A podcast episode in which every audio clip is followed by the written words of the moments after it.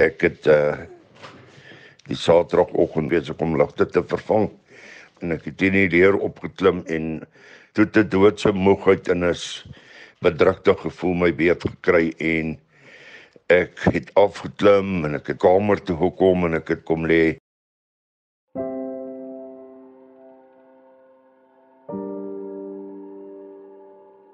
My sussie het my gevat om te gaan toets vir COVID en ek het in die kar gelê en slaap. Ek was net nie sterk genoeg om in die ry te staan self nie.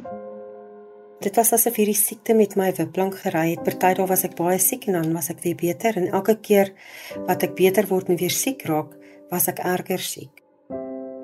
Nadat ek positief getoets het, was dit omtrent seker vir so 10 dae wat ek nie geweet het waar ek was nie in daai tyd wat ek die koors begin kry het, het ek ook gesien my suurstofvlakke in my bloed is aan die afneem.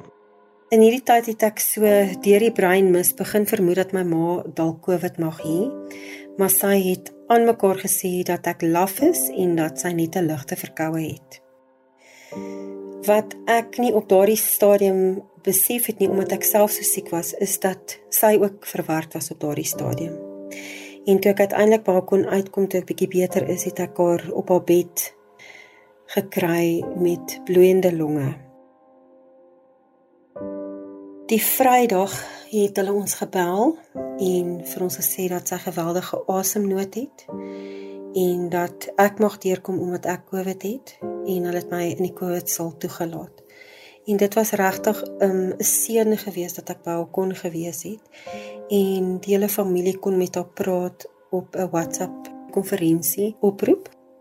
En haar suurstofvlak het heeltemal verbeter en ek is daar weg met 'n ligte gemoed met die wete dat ek haar die volgende dag sou sien. 'n Paar uur later het ek 'n oproep gekry en die hospitaal het my laat weet dat sy dood is. Die ergste was die lang COVID. Byvoorbeeld dis nou 7 maande na die tyd. Ek het nog nie my smaak heeltemal terug nie. Dan die absolute kognitiewe insinking wat ek gehad het. My korttermyn geheue wat heeltemal op die koffie was. En hierdie kognitiewe insinking het gelei tot 'n tot ek wat emosioneel nie meer goed voel nie, want jy voel nie goed oor jouself nie. Jy dink jy's besig om dom te word. Ek het byvoorbeeld van my lesenaar by die werk tot by my kar geloop en ek was uit asem uit gewees. Laat ek letterlik in die kar sit en nie kan asemhaal nie. COVID het alles wat ons as normaal beskou het, totaal en al in 'n ander rigting gestuur.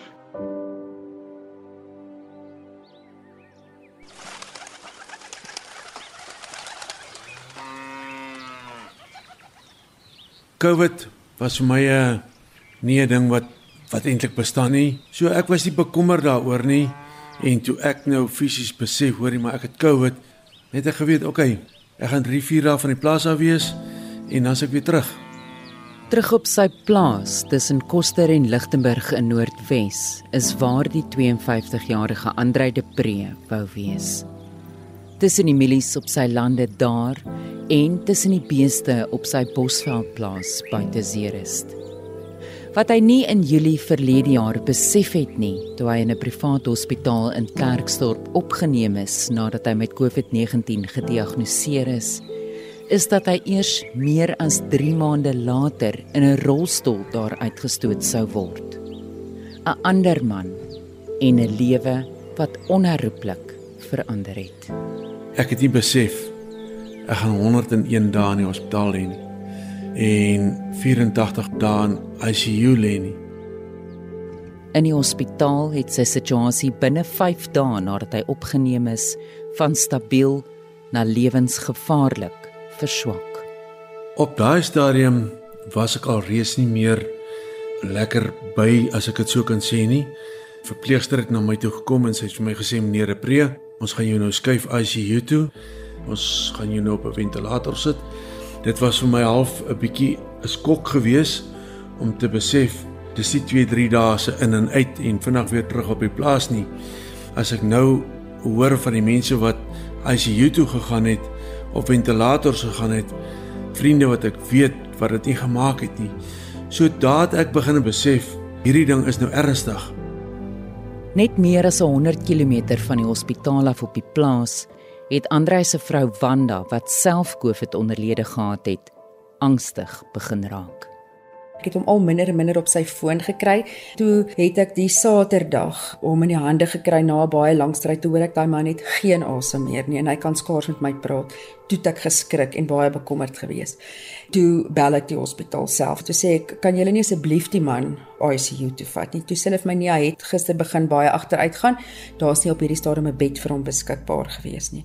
So dit was 'n verskriklike naweek om deur te kom en jy weet nie of hy dit gaan maak nie. En die Dinsdagoggend het ek 'n oproep gekry en toe sê hulle vir ons, ons moet maar hom kom sien. Hulle gaan hom intensiewe sorg eenheid toe vat. Ek en die kinders het deur gejaag en my meisiekind is in Bloemfontein by die universiteit. Hulle kon nie wag tot sy kom nie want dit was te kritiek. Andre, emosioneel, hoe het jy gevoel toe jy besef jy gaan nou intensiewe sorg eenheid toe en hulle gaan jou nou koppel aan 'n ventilator. Was daar enige gevoelens van dat jy gevrees het om deur hierdie proses te gaan? Ek was nog nooit in my lewe op 'n ventilator gekoppel nie. Ek was nog nooit in my lewe in ICU gewees nie. So ek weet nie wat om te verwag nie en maar vrees was ek nie. Ek het geweet is dit my tyd om te gaan op hierdie manier? Is ek reg?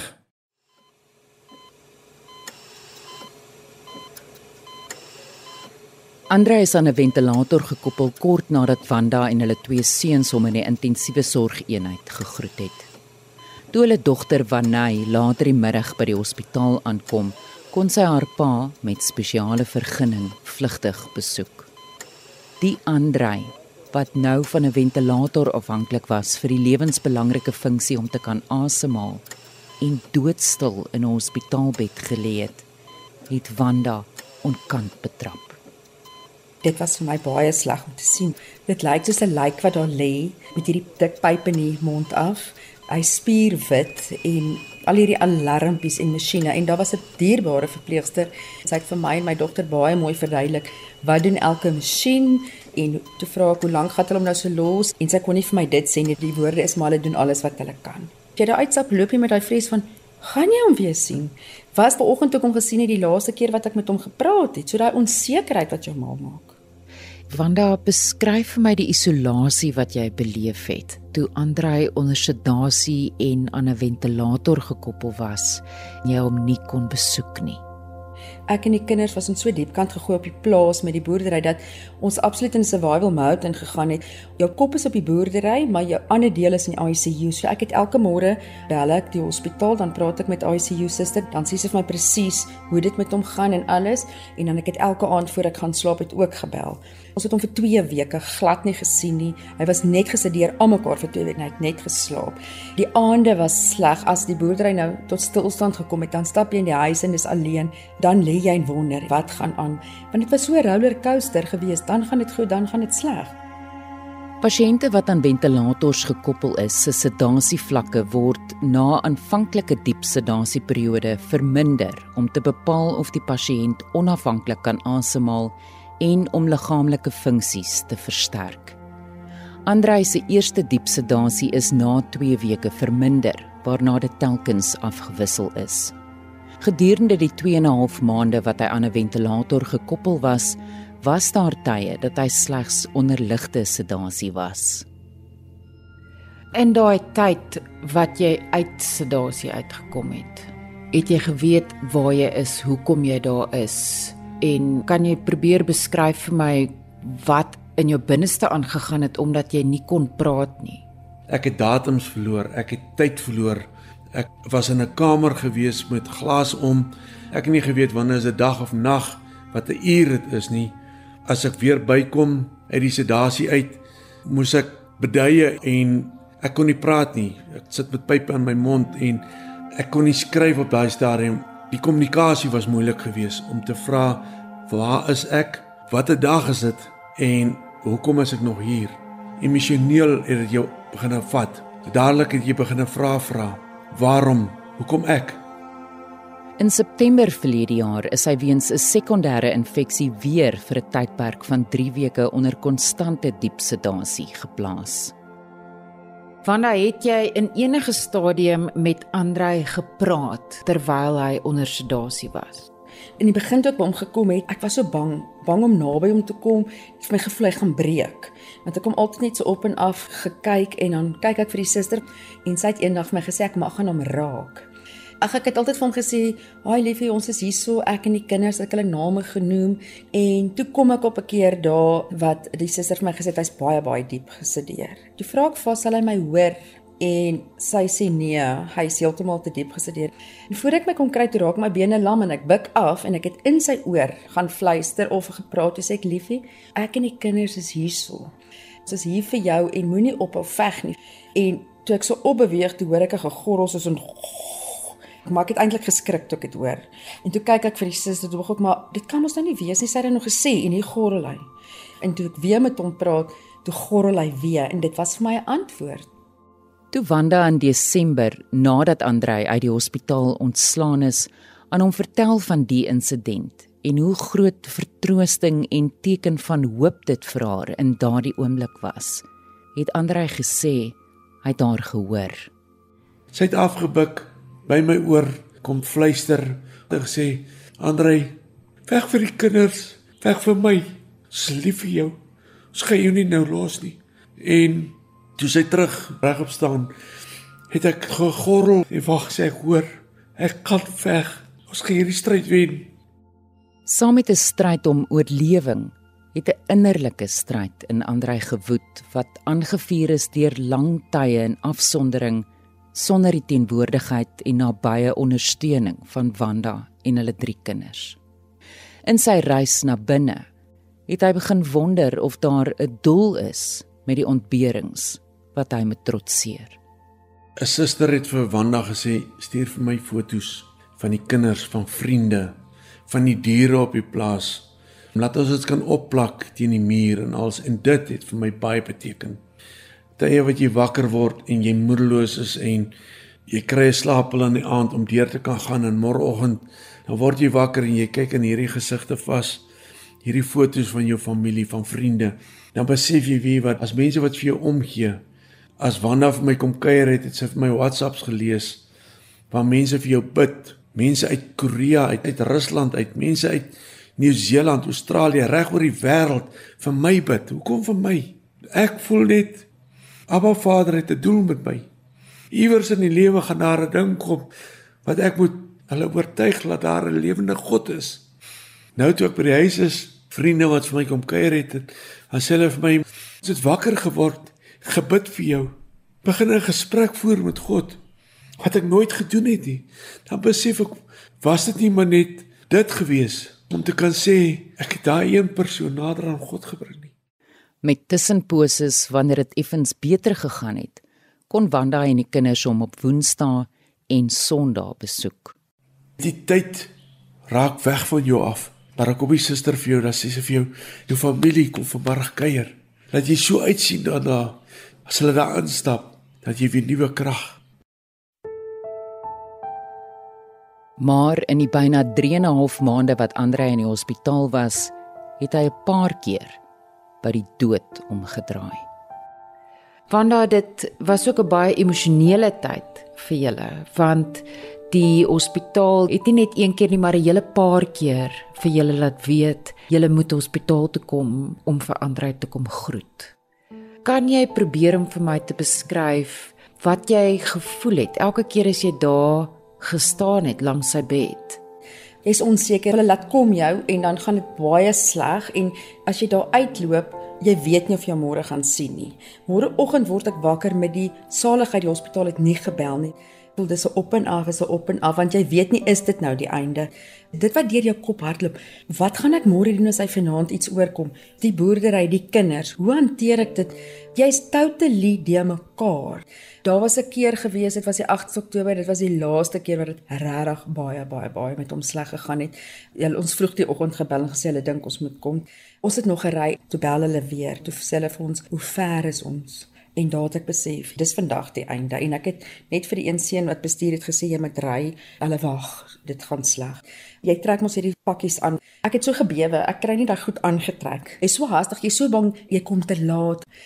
Sy het ingestap en ek het die verpleegster gesien. Sy het gebid en sy het gehuil en sy het net vir die masjiene gekyk en ek het die masjiene gekyk en ek het gesien hoe val die hartklop, ek het gesien hoe val die bloeddruk en ek het so gestaan in die deur. Dit het vir my gevoel of ek nie deel is nie. Ek sien 'n film en ek het die masjiene dopgehou en ek het my hartseer kinders gesien en toe spraak met die Here te sê, "Here, is dit nou dit? Hoekom het jy ons deur so lank pad gevat en ons so laat lei?" Dat hy gekom wat hulle laat weet het en sê, "Kom groet." waarvan ek baie keer nie eens bewus was nie. Maar as ek wakker word, dan sien jy trane wat loop en vloei. Susters wat na die tyd vir jou gesê het jy verstaan nie hoeveel riviere water het jy om jou bed geloop van trane nie. Tydens 'n paar van die noue ontkomings sê Andrei het hy iets beleef wat hy nie kan verklaar of begryp nie. Ek weet van twee keer wat ek in 'n rooi bloedrooi kamer was waar die vloer, die mure, die dak 'n rooi kamer is wat jy die rooi nie kan beskryf aan iemand anders wat se kleur rooi dit is nie. Ek soek daagliks na daai rooi, maar kry dit nie. Dan worstel jy en vra vir die Here, "Waar is ek nou? Is ek op pad hel toe? Hoekom nie rooi is dit die begin van die vuur?" Dan kom die ander vraag op. Psalm 23, is ek nou in die dal van doodskare weer? Waar hy my daardeur vat en vir my voorberei om te sê, hier's die weivelde. Hier's waar ek en jy gaan saamloop, gaan boer. Dan ewe skielik word jy teruggeruk, terug in die ICU en waar jy wakker word en dan sien jy rooi oë. My kinders wat huil, Wanda wat sterk staan, susters wat rondhardloop en sê hy's terug. Dan besef jy God het 'n doel met jou. Baie keer het ek vir hom gevra asseblief kom haal my. Ek is beter af by jou as die hierdie lyding deur te gaan. Maar dit was nie sy doel nie. Maar ek sal vir elke persoon vertel. COVID is reël. Ek sal vir elke persoon vertel. My God lewe. Vanda, hoe het dit vir jou as vrou gevoel om hom so siek en weerloos te sien en te weet jy kan niks vir hom doen nie. Dis baie baie sleg. Jy voel of jy die susters wil ruk en sê doen net iets. Asseblief laat hy net môre beter is. En ek is 'n leek met die kennis so goed, maar jy wens so jy kan iets doen. Dit is 'n verskriklike frustrasie binne in jou, veral omdat dit so wiplank gery het. Wanneer het jy ooit in hierdie tyd gevoel jy raak angstig of jy raak depressief of dit raak donker in jou?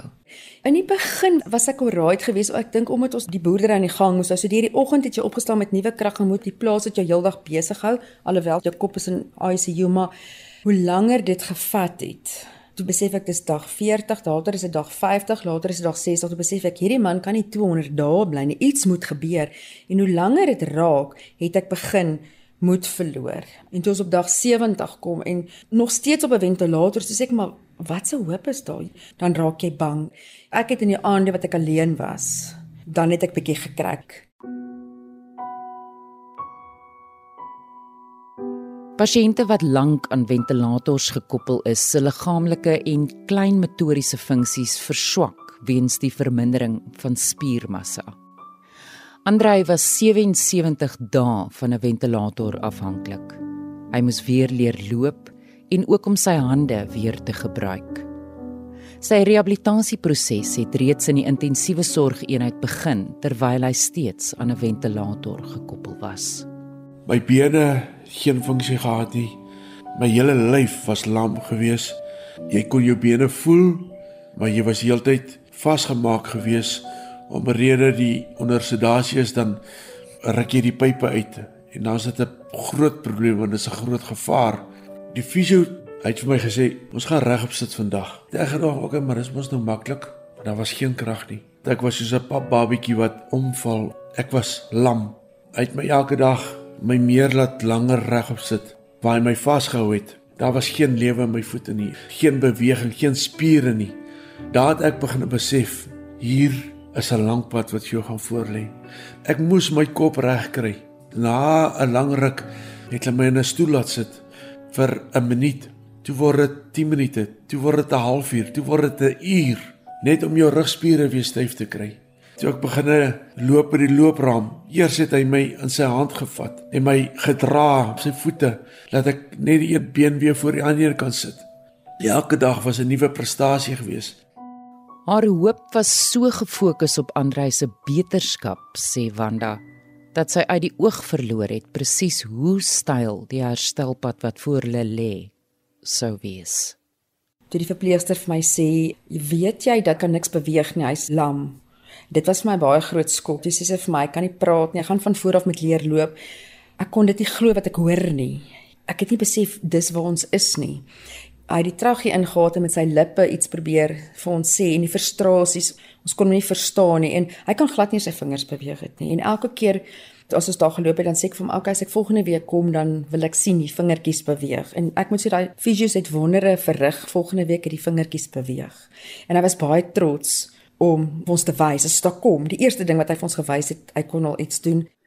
Hierdie rehabilitasieproses wat jy nou besig was om te ondergaan, Andrei, het dit dalk in 'n stadium vir jou gevoel hierdie berg is dalk net te styl vir my om uit te klim daai tye gekom, tye wat moedeloos is. Ek het baie maklik vergeet. Toe ek begin praat het, het ek twee, drie keer dieselfde goed gevra, hele maand oor af vergeet ek van dit. Hulle moes my weer leer eet, lepel optel, maar dit het elke dag beter geword. Die berg was daar, maar ek moet hom uitklim. Daar's nog 'n lang proses wat vir my voorlê. Ek loop stadig. Die suurstof is min, ek gaan hom wen.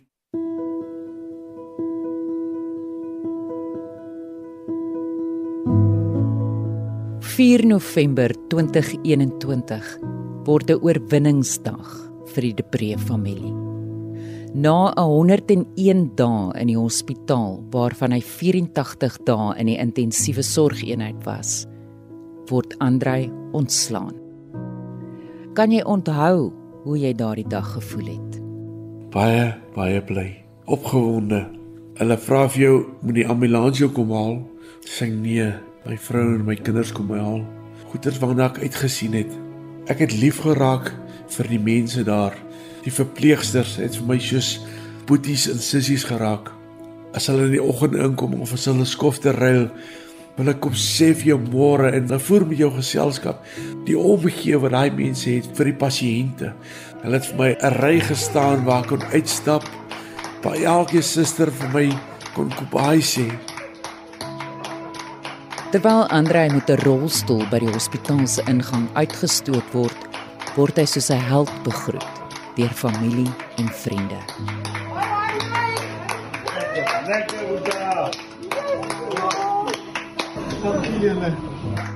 Eerste by sy rolstoel is een van sy gunsteling intensiewe sorg verpleegsters wat 'n ballon om sy pols kom vasmaak. Kyk, ek moet hol so ek maak myne sommer nie. Dis vir al die opdraande wat jy my gegee het. Ballonne by familie, by vriende, werkskollegas wat buitekant gestaan het. Opgewonde op buitekant sien. Dit was lekker. Ek kon my broer weer sien. My skoon familie, my familie. Dis nie lekker onder die daar hospitaal nie. Maar weer eens besef jy die liefde vir haar is. Die omgee. By die opwinding vereers verby het die realiteit vinnig 'n werklikheid geword vir Wanda.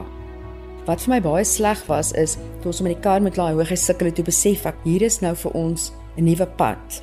So ek het geskrik en dit was 'n baie lang rit vir hom huis toe gewees, maar die oorweldiging vir hom gewees en vir ons toe hy nou by die huis kom. Die volgende oggend toe ek wakker word, vreemd om hom langs my in die bed te sien. Dit was 'n hele nuwe aanpassing met hom by die huis, maar dit was ook 'n emosionele aanpassing want alles het verander. Dis nie die boer wat opgestaan het en vanoggend sy take verrig het nie. Dit het ons die eerste keer uur en 'n half gevat om hom in die stort in en uit te kry want dit is met suurstofborrels binne in 'n stort en uit. So ons lewe het verander. Ons omstandighede het alles verander. Ek het ook so 'n bietjie berading gekry. So vir my ook gesê ek vat hom met 'n suurstofmasjien en al die negatief saam met dit as wat jy die dood vat. Andre jou herstelproses nou dat jy by die huis is, gaan nog lank neem. Hoe vorder jy? Die eerste naweek was vir my baie erg. Hulle sê vir jou die hospitaal vir elke dag wat jy in ICU is, is 'n week se herstel. So is 'n jaar en 'n half wat vir my wag. Daar het ek gewonder, gaan ek dit maak? dan besef jy maar jy's deur die ergste. Jy het by die dood omgedraai. En ek het vir my nog steeds self gesê as ek vandag 5 tree loop. Kom ons maak dit 6 tree. Al is dit moeilik, al word jy moeg, laat jy nie asem het nie, maar jy het vir jou daai doel wat jy gestel.